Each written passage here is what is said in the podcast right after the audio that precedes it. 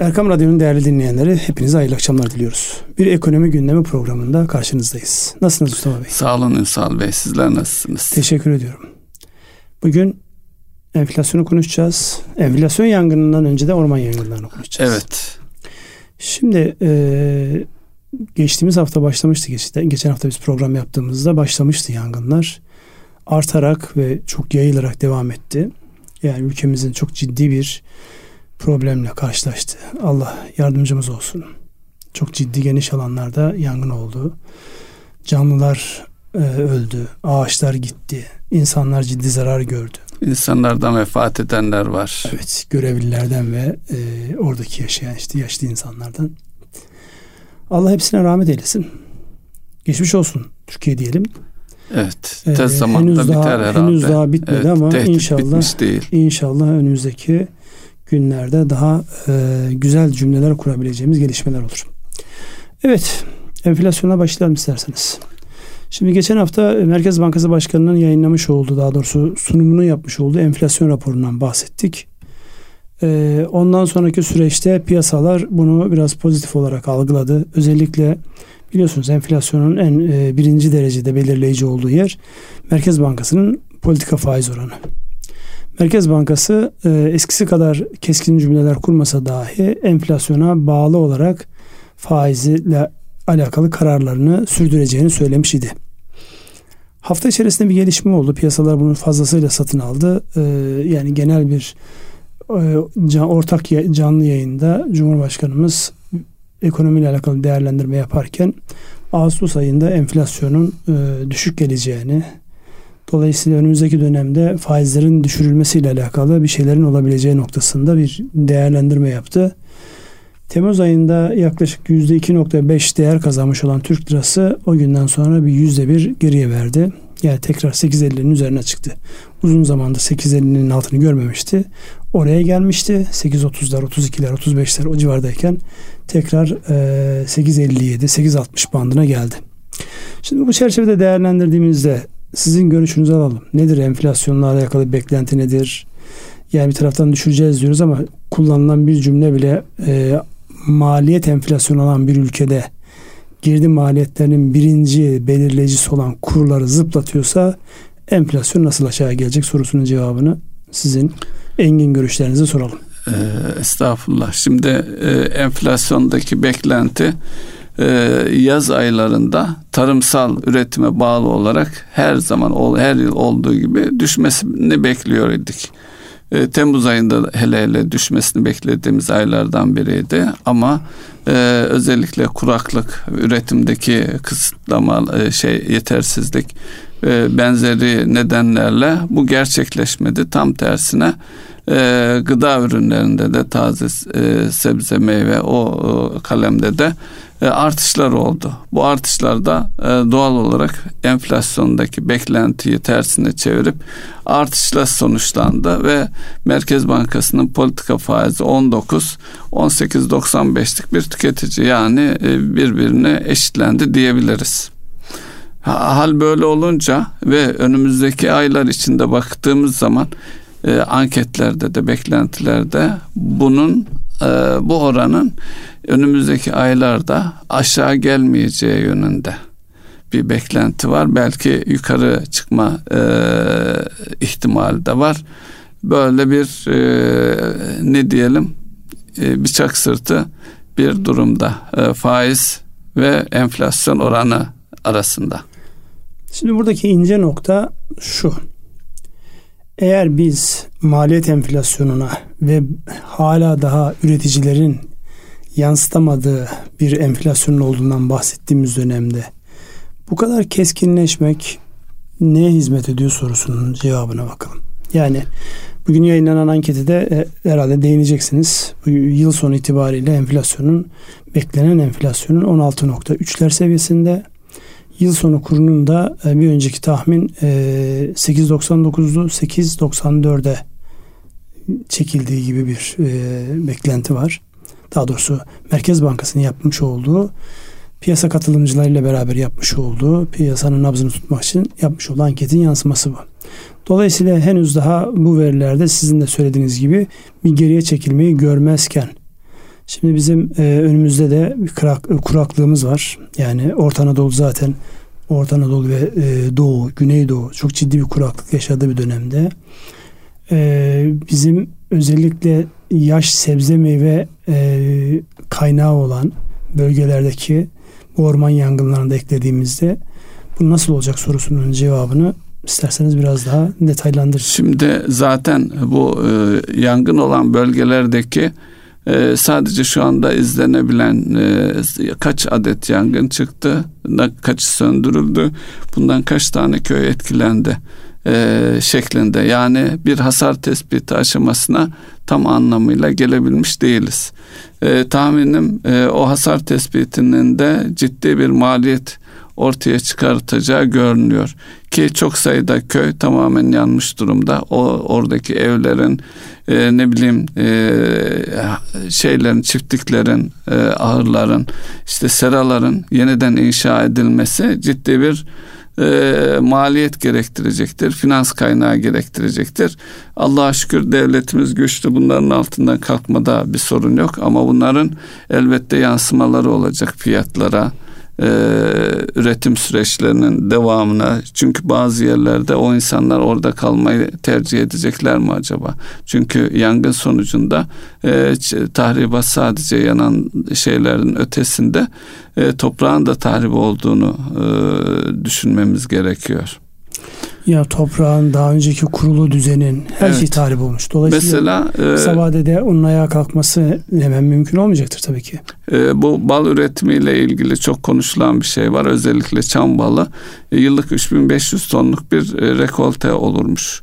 Şu anda e, arılar e, genelde bu e, e başka yerlere taşınmış mevsim itibariyle e, şeyleri e, dolaştırıyorlar arı kovanlarını. Henüz gelmemiş ancak gelse orman yanmış durumda.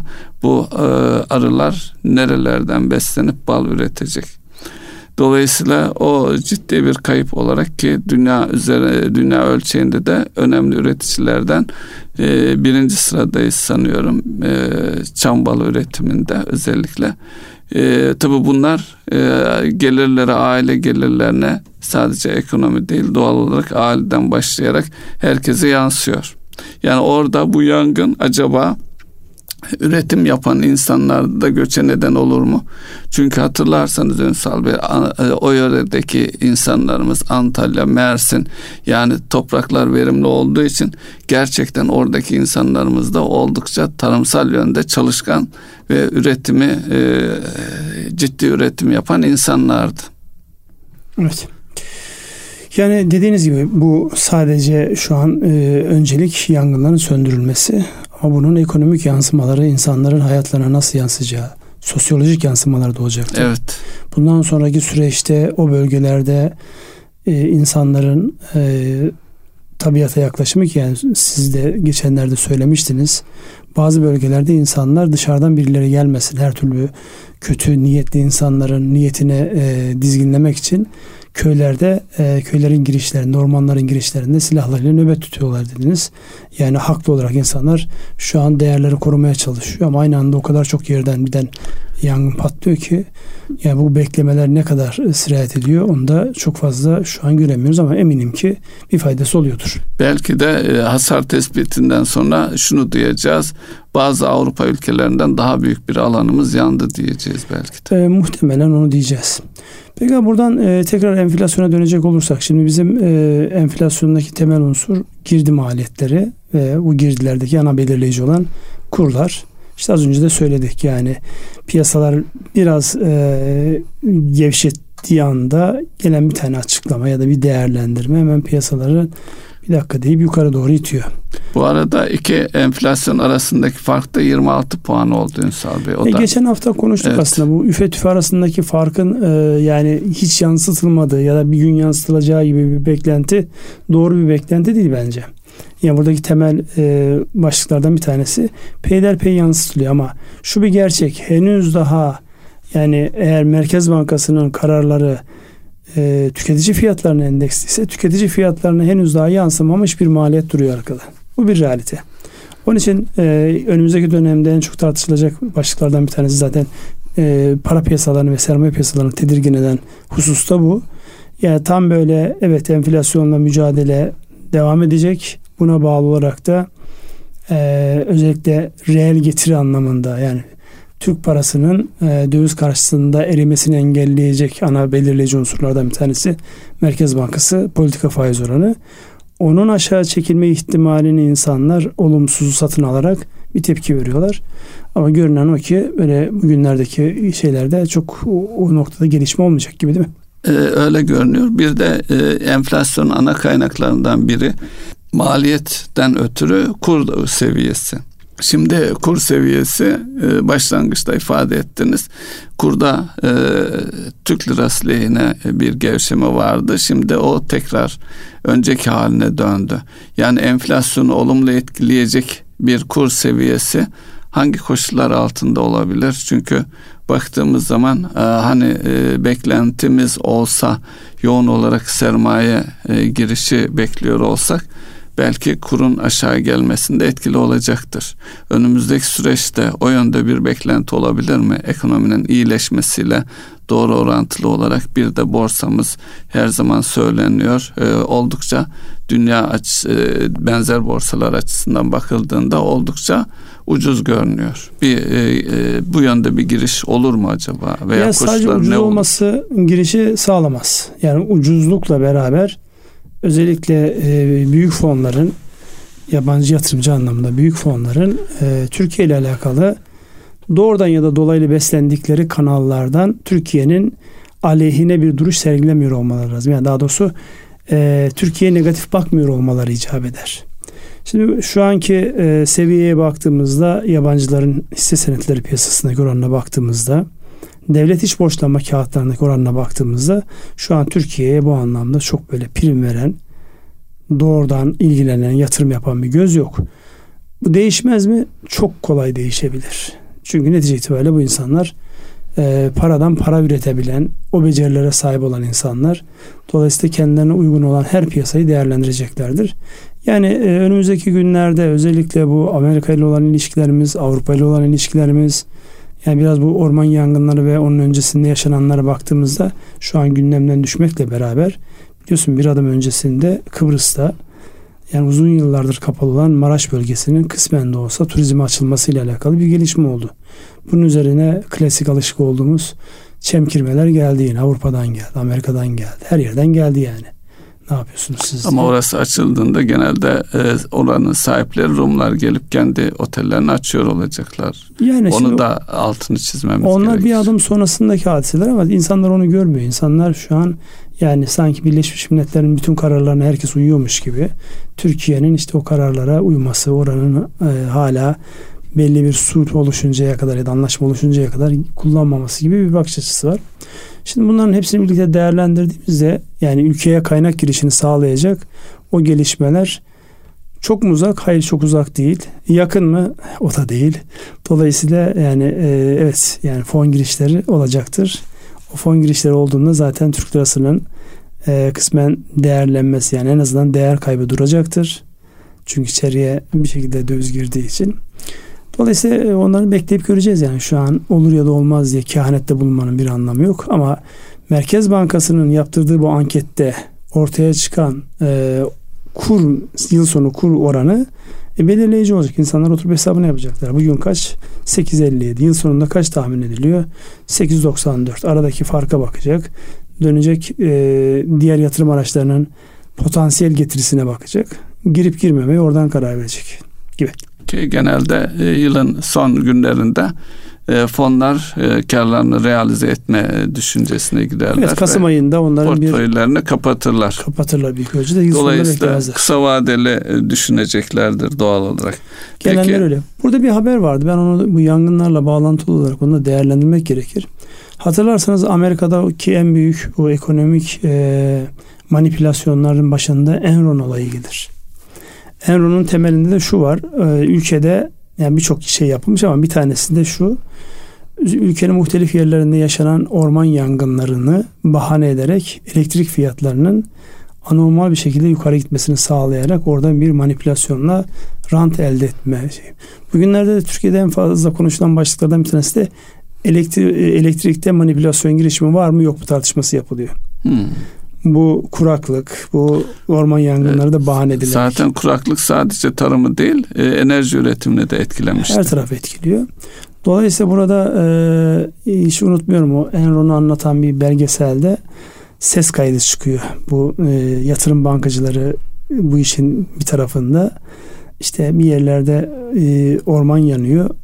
Aynı zamanda elektrik hatları da yanıyor. Burn baby burn diye böyle yan bebeğim yan şeklinde böyle yangını böyle şey yapan böyle e, Teşvik eden veya ondan ondan nemalanmaya çalışan Nemalanan. böyle bir şey bir sahne vardı. Hemen böyle tüylerim diken diken oldu yani ne oluyor? Ee, bu tip şeyler kullanılır mı? Ee, kullanılır yani insanoğlunun e, en büyük imtihanıdır bu. Ee, enerji de tabii orada da hasarı bilmiyoruz ama Kemerköy santrali e, kısmen e, yangından kurtuldu diye e, haberlerde yer aldı. Ancak üretimi sanıyorum durdurulmuştur yangın tehdidi çünkü buhar kazanları falan çok büyük e, risk var. E, enerji hatları büyük bir ihtimalle tahrip olmuştur. Dolayısıyla e, şimdi kömür de e, sürekli üretim açısından önemli santrallerden bir tanesiydi faaliyette bulunan. E, başka nasıl e, etkiler bilemiyorum Ünsal Bey bu konuda. Ya bu konuda EPDK'nın çok uyanık ve e, yani anında müdahale ettiğini biliyoruz. Tahmin de ediyoruz. Hemen zaten basına da açıklamayı yaptılar. Yani e, buradaki işte Kemerköy e, termik santrali ve diğer bölgelerdeki ve kuraklıktan kaynaklanan sebeplerle fiyatları yukarıya çekecek e, elektrik alım teklifinde bulunan manipülatif davranışları gördük ve uyardık diye hemen basına da duyurusunu yaptılar. Dolayısıyla bu konuda e, özellikle enerji piyasası çok canlı ve yakından izlenen bir piyasa. O konuda ben bir atlamanın olacağını e, düşünmüyorum. Ama niyet var mıdır? Niyet her zaman e, vardır. Parantez açarsak Ünsal Bey risk yönetimi açısından hatırladığım kadarıyla o yıllarda kurulduğu yıllarda da e, özel zamanıydı sanıyorum. Oldukça büyük tartışmalar olmuştu. İşte turizm bölgesinde e, kömürle çalışan santral olur mu? Çevre tahribatı ve turizmi olumsuz etkileyeceği gibi. Bugün geriye dönüp baktığımızda demek ki e, daha farklı riskleri dikkate almak gerekiyor. Ya şimdi burada e, bir taraftan şunu yapmaya çalışıyorlar. Yani her yerde bu var. Yani çevreyle e, bu anlamda zarar verebileceği düşünülen yapıların etrafı yeşillendirilerek e, yeşil tutularak bu anlamda bir denge sağlanmaya çalışıyor ama tabii hiç hesapta olmayan bu Evet şekildeki bir yoktu. e, yangınlarda o yeşillendirilmek istenen yerler sizi tehdit olarak önünüze çıkıyor. Bu arada tabii e, Amerika biliyorsunuz e, 2030 yılında e, kullanılan araçların minimum %50'sinin e, sıfır emisyonlu olmasıyla alakalı bir karar onayladı. Ve onun arkasından da başka açıklamalar da yapıldı. Şimdi bir taraftan e, işte Türkiye üzerinde çok yoğun baskı var. Bu elinizde yer altındaki kömür zenginliklerinizle enerji üretmeyi kafanızdan geçirmeyin. Çevreyi kirletiyorsunuz. İşte e, belli anlaşmalarla önümüze geliyorlar. İşte Paris Anlaşması bundan bir tanesi. Şimdi gerçekten önümüzde ciddi aşmazlar var. Bir tarafta su kaynaklarında daralma var. Öbür tarafta güneş gibi, rüzgar gibi müthiş bir potansiyel hayat buluyor ama bunlar stabil enerji değil. Dolayısıyla güneş gibi, rüzgar gibi stabil olmayan kaynakları kullanabilmeniz için stabil olan yani yakılarak yani ister bunun doğal gazı yakın, ister kömürü yakın, isterseniz nükleer e, maddeleri yakarak stabil olan enerji üretmeniz gerekiyor. Dolayısıyla bu paçalları yaparak yürüyecek ülke. Çok daha tartışma yapacağız bundan. Yani termik santrale ihtiyaç var mı sorusunun cevabını yani olmadığı zaman herkes kan ağlıyor. Şu an elektrik tüketimi zirve noktasında biliyorsunuz sıcaklardan dolayı. Ee, dolayısıyla böyle bir açmaz var. Bu açmazı nasıl aşacağımızı hep beraber göreceğiz yani. Ee, tabii e, bu e, emisyon oranlarıyla ilgili e, bu Amerika'nın yüzde elli e, şartı da e, aynı bir diğer açıdan da yatırım yapacak insanlar için, sektörler için fırsat da oluşturuyor. Bizim ülkemiz için de geçerli bir durum. Ünsal Bey şimdi enflasyonla konuşurken bir diğer boyutu da döviz girdisinin e, turizm idi.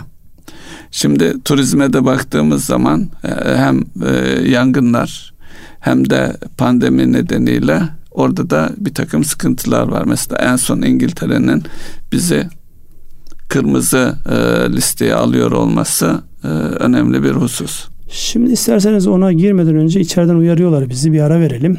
O aradan sonra kaldığımız yerden devam edelim. Unutmayın İngiltere kırmızı liste pandemi. Erkam Radyo'nun değerli dinleyenler kısa bir aradan sonra tekrar karşınızdayız.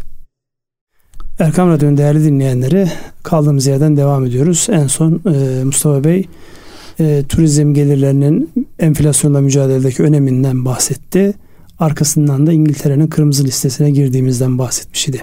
Şimdi 10 evet. e, gün e, dönenler için 10 günlük karantina, otelde zorunlu karantina bunun maliyetinin de 2300 sterlin civarında bir maliyet yani e, Türkiye'ye gelip dönerse kişiler 10 gün otelde kalmak zorunda ve e, faturada belli.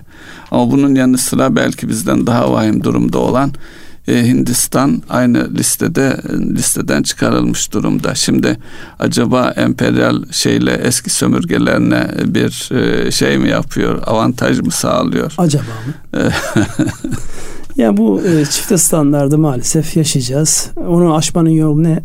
Ekonomik olarak, siyasi olarak güçlü olmak. Güçlü olmak, güçlü olmak. O da bir olmaktan çıkıyor. Bizim en büyük problemimiz aslında yani yabancıların bize uygulamış oldukları bunlar değil. Yani şu orman yangınları. Yani orman yangınlarında e, sevinebilecek ya da mutlu olabilecek kimse var mıdır diye düşündüğünüzde elbette yoktur. Ama burada bile bir olamadık. Her kafadan bir ses çıkıyor. Uçaklarımız vardı yoktu, helikopterlerimiz vardı yoktu, niye kullanılmadı? Meşhur Türk Hava Kurumu evet ya. mevzu böyle yatırıp yatırıp kaldırıyor. En son işte muhalefetin lideri gitmiş ziyaret etmiş.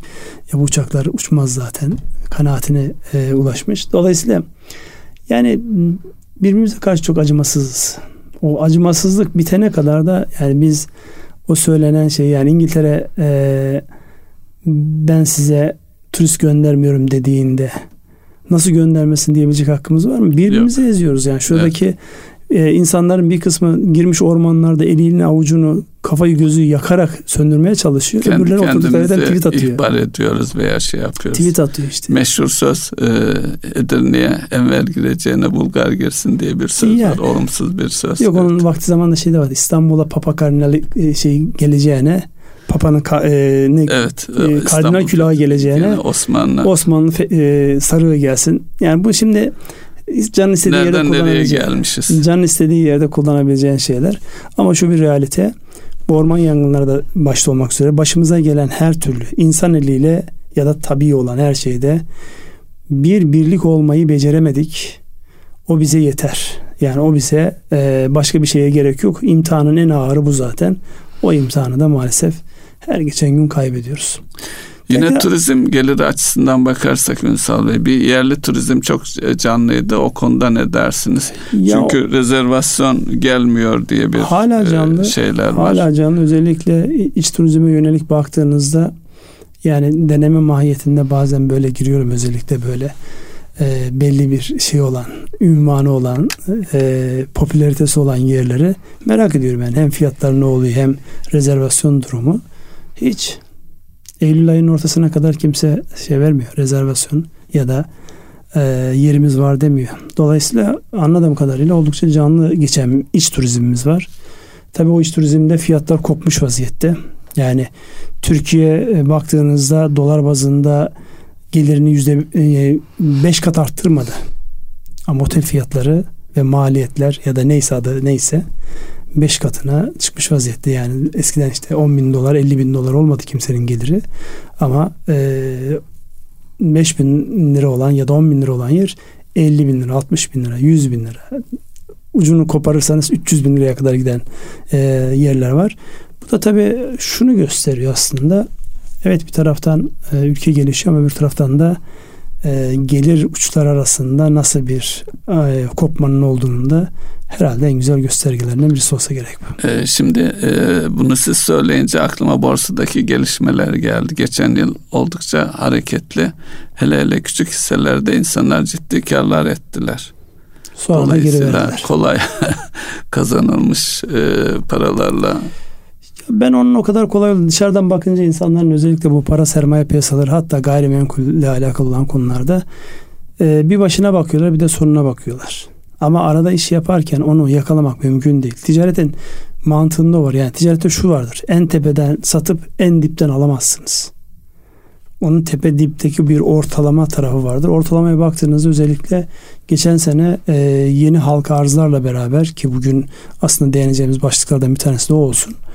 E, yeni halka arzlarla beraber çok sayıda ilk defa borsaya giren yatırımcı oldu. Yaklaşık 2 milyon kişi gibi. Şimdi onlar ne oldu? En tepeden girdilerse şu an hisse bazında özellikle tepe bir kısmı hisseler. e, yeni giriş olmadığı yönünde e, bilgiler var borsaya. Ya şu var tabii ki yani borsa ile ilgili olan kişilerin özellikle bu halka arzlarda kişi başına tahsis yapıldığı için normalde bir kişi e, borsa ile ilgileniyor ama o tahsisten daha fazla alabilmek için ailede ne kadar insan varsa onların adına hesap açıp bir kerelik operasyonu e, yapabiliyor yani diğer insanların borsa ilgisi yok. Bunun etkisi vardır ama öbür tarafta alternatif getirisi düşük olduğu için diğer yatırım araçlarının dolayısıyla o borsanın cazibesine kapılıp o mekanizmaya kolunu bacağına kaptıran ve kısa sürede çok para kazanma hayaliyle ciddi riskler alan insanların varlığını biliyoruz, görüyoruz. Bize de geliyor. Zaman zaman soruyorlar ne yapayım? E, bir şey yapma yani. Peki Mü- mümkünse Türk bekle. lirası olanlar ne yapsın Ünsal Bey şimdi? O soruyu sorma onu hemen e, bütün şeylerde ekonomi yorum yapan insanlar hemen not olarak altına düşüyor. Bu bir yatırım tavsiyesi değildir diye. Yani Türk lirası olanlar otursunlar düşünsünler. Yani bildikleri aşina oldukları ürünlere üzerinde kafa yorsunlar. Bilmedikleri ele böyle mışlarla mişlerle hareket etmesinler deriz. Şimdi yani dolarizasyon devam edebilir mi? Dolarizasyon devam edeceğini zaten bugün e, haberlere de düştü. Fitch Türkiye ile alakalı dolarizasyon artabilir diyor ki yani şu an zaten e, yüzde 60 62'ler seviyesine kadar çıkmış bir döviz tevdiattan bahsediyoruz. Dolayısıyla bu e, ilave olur mu? Fitch öyle bir uyarı yapmış. Gerçi ben onların uyarılarının falan gecikmeli olduğunu düşünüyorum. Onların da zaman zaman bu manipülasyona bir şekilde isteyerek ya da istemeyerek katıldıklarını düşünüyorum. Ben az önce şey söyleyecektim de orada yarım kaldı. Biden'ın açıklamasında bir şey var. Diyor ki şu an diyor elektrikli otomobil yatırımının en büyüğünü Çin yapıyor. Burada asıl önemli olan özellikle bu otomobillerde kullanılacak bataryaların üretiminin yüzde sekseni Çin tarafından yapılıyor. Ve Çin dünyayı bu anlamda sıfır emisyonla domine edecek. Yani piyasaları o alacak. Dönüyor kendi yatırımcısına da şunu söylüyor. Biz Amerika'yız. İstersek burada tekrar güceyle geçiririz diyorlar. Geçmiş olsun ben de diyorum. Ama bizim açımızdan sevindirici olan şey şu. Daha yeni e, Cumhurbaşkanlığı kararnamesiyle de desteklenmesine karar verilen Kayseri'de bir e, lityum iyon batarya pil üreticisi firma ile alakalı bir gelişme var. İnşallah kendi otomobilimiz geldiğinde elektrikli olacak. Onun pillerinde, bataryalarında kendimiz üretir hale geleceğiz. Bu konuda özellikle ben teknik üniversitelerin ya da teknik üniversitelere yakın olan o teknoparklardaki gençlerin desteklenmesi, önlerin açılması, onların o vizyonlarına, ufuklarına e, set çekilmeden e, destek verilmesini isterim. Bu piyasalarda oynamak isteyen arkadaşlar, parası olup da canı sıkılan insanlara hasreten biraz ricamız olsun, biraz da tavsiyemiz olsun. O gençleri desteklesinler. Çok az paralarla çok farklı şeyler yakalanabileceğini her gidişimde böyle hayretler içerisinde bir taraftan gıptayla bakıyorum öbür taraftan da o insanların kendilerine yatırımcı alabilmek için o gözlerindeki umutla umutsuzluk arasındaki gidişleri gelişleri görüyorum. İnsanlar yani gidip e, şeylerle kripto paralarla kumar oynayacaklarına gerçek yatırımlara, geleceği olan gerçek yatırımlara destek vermelerini hasreten tavsiye ederiz. Ben de e, bir üniversite ziyaret ettim. Bu e, üniversiteye e, gidecek öğrencimiz var biliyorsunuz Ünsal Bey. Hayırlar versin Rabbim. Ee, inşallah tüm öğrenci kardeşlerimiz için. Orada bize bizimle ilgilenen araştırma görevlisi e, batarya üzerine çalışıyormuş Ünsal Bey. Hem de yoğun olarak sadece kendisi değil hocasının da hakeza e, birlikte çalıştıklarını ve e, gözleri parlıyordu. Demek ki belli noktalarda mesafe kat edecekler veya buna inanıyorlar. Ya o inanç dediğim gibi çift taraflı. Bir taraftan bu işi yapabilecek teknik yetkinliğe bakar. Öbür taraftan da bu işin finansmanına bakar. Finansman sağlayacak mekanizmalarımız var ise şayet olmalı.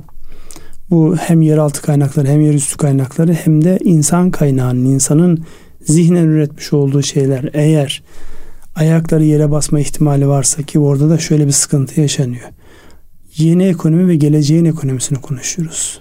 Ve birçoğumuz aslında bunu anlamıyoruz. Bilmiyoruz yani. Yani neyin tutup neyin tutmayacağını bilmiyoruz.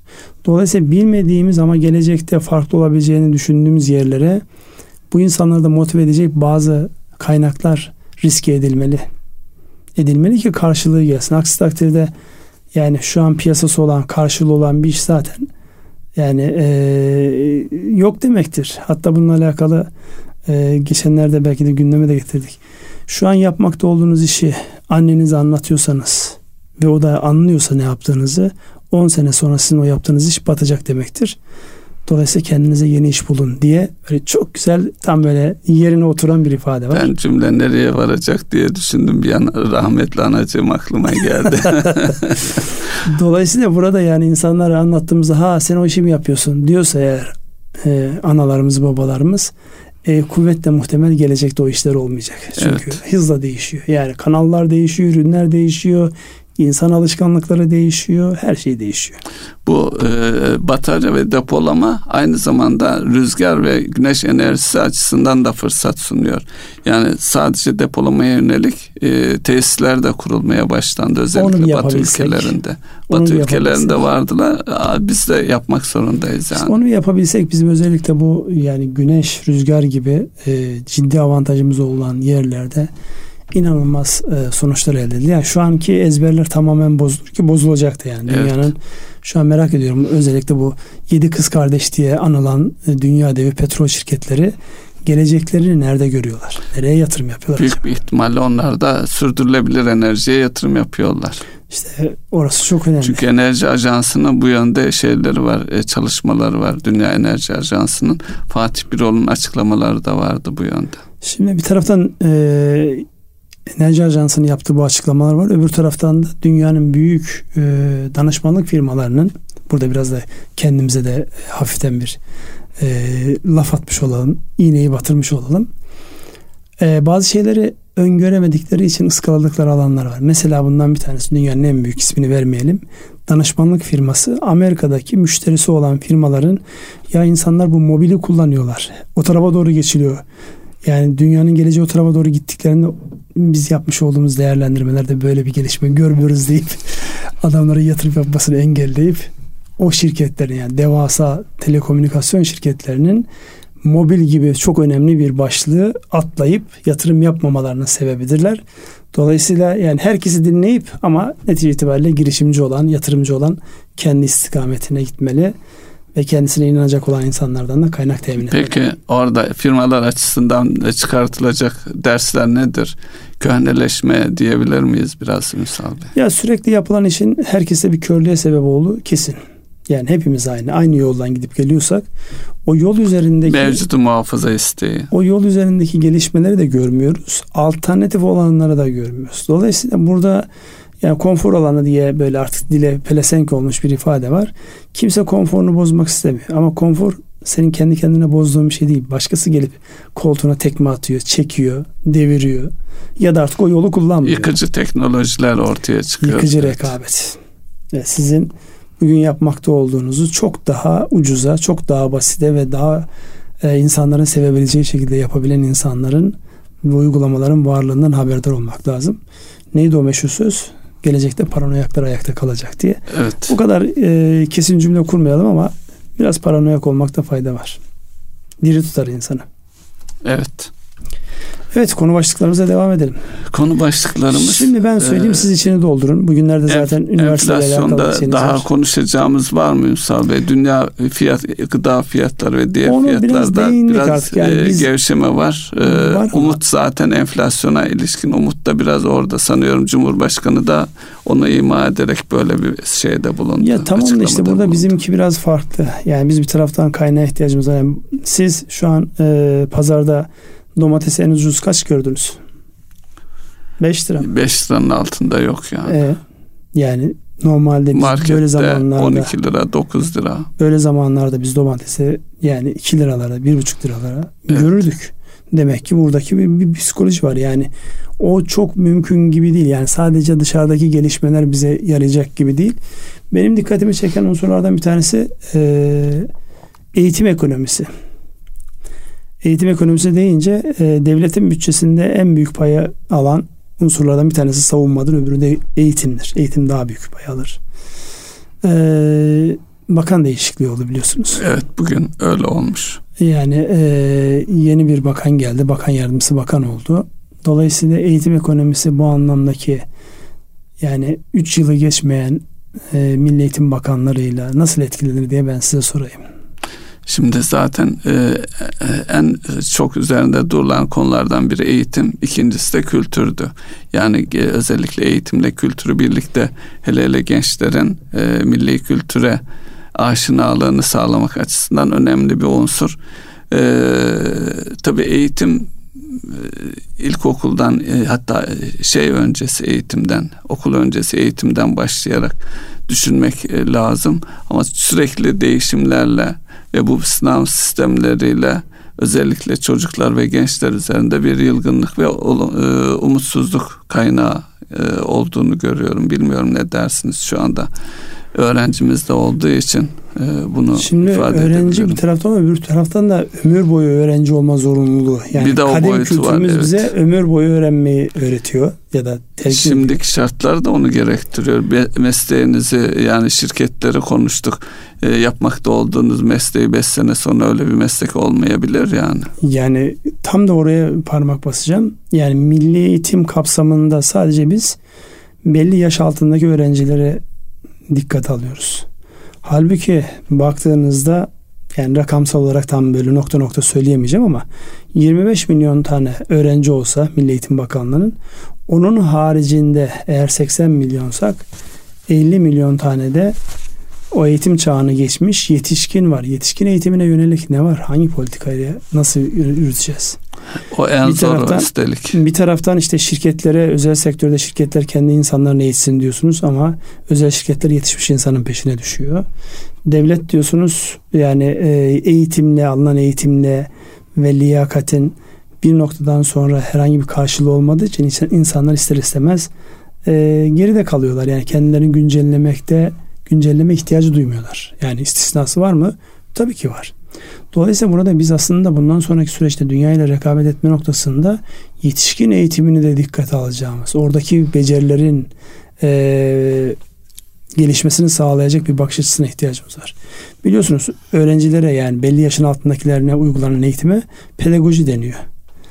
Yetişkinler ise pedagojiyle değil andragojiyle e, öğrenirler. Ve yetişkin insanların öğrenme metodolojisi problemlerle karşılaştıkça yani bir yetişkine ihtiyaç olmayan bir konuda bir şey anlattığınız zaman dinlemez kalkar gider.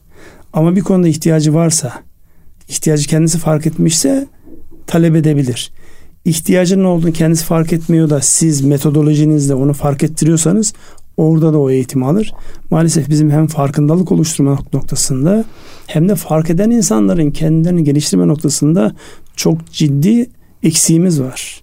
Yetişmiş belli bir yaşın üstündeki insanların eğitimiyle alakalı bizim oturup yeniden politikalar oluşturmamız gerekiyor.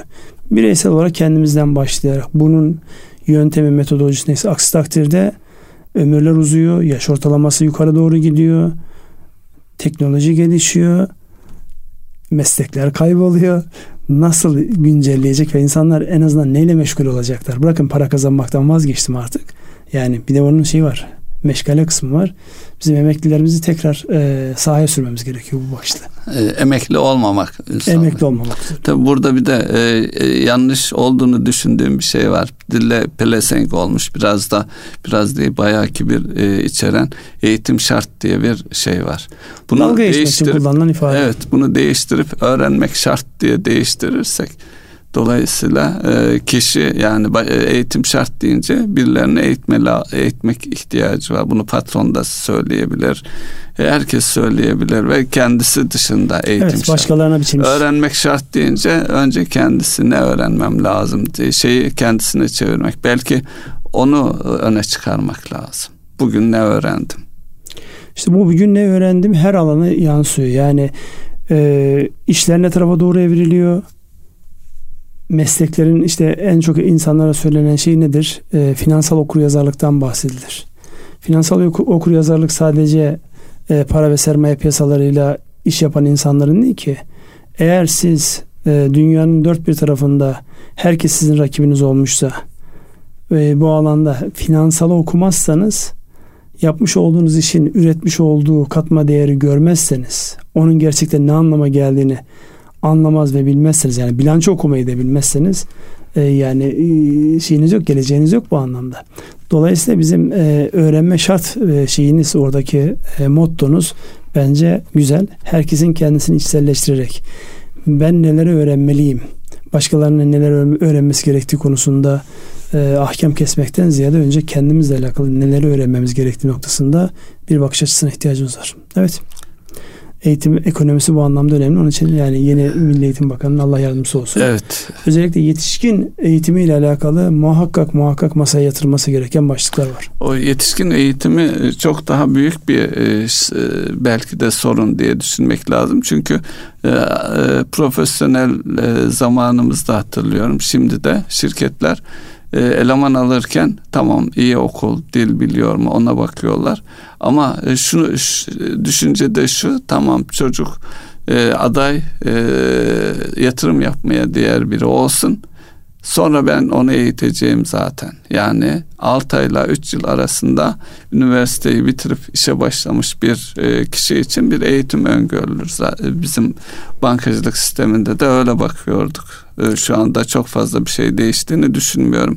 Yani öğrenci e, şeylerin, üniversitelerin istihdam edilebilir seviyede öğrencileri mezun etmesi bir taraftan da şirketlerin e, hiç önemli değil bir e, fırın bile işletiyorsa bir eleman alıyorsa orada e, sürekli eğitim e, e fırsatlarını veya zorunluluğu veya neyse onun belki biraz daha planlı ve sistematik olması da gerekebilir. İşte devletin son dönemde yaptığı e, meslekleri sertifikalandırma çalışmaları da belki bir noktada destekleyecek ama orada süreklilik yok. Süreklilik arz edecek bir şey yapmak gerekiyor. Ya katılıyorum. Hatta dün okumuş olduğum, sizin söylediğiniz dün okumuş olduğum bir röportajı aklıma getirdi uluslararası bir şirketin e, tepesindeyken yerli, uluslararası olma iddiasında olan yerli bir şirketin tepesine geçmiş bir e, profesyonelle röportaj yapmışlar. Yani hem dış dünyayı bilen hem Türkiye'yi bilen e, birisi bu bahsetmiş olduğum şahıs şöyle bir ifade kullanıyor. Diyor ki batıda mühendislik eğitimi almış olan insanların işe adaptasyon süresi maksimum 6 ay. Çünkü mühendislik eğitimini alırken uygulama muhakkak işin içerisinde var. Türkiye'de 3 yıldan aşağı değil.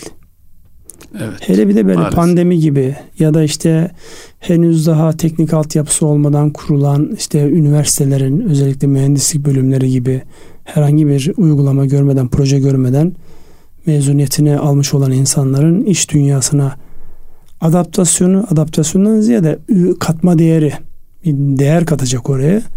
Dolayısıyla süreçler gecikiyor. Onun için yetişkin eğitimini pedagojik eğitimin ötesinde değerlendirmemiz gereken bir başlık var. Yani bu konu bence yani aslında bizim ekonomi programında e, yani o eğitimin gerekliliğine dikkat çekerek her hafta belki gündeme getirip bir köşesinde muhakkak bahsetmemiz gereken evet, bir başlık gibi duruyor.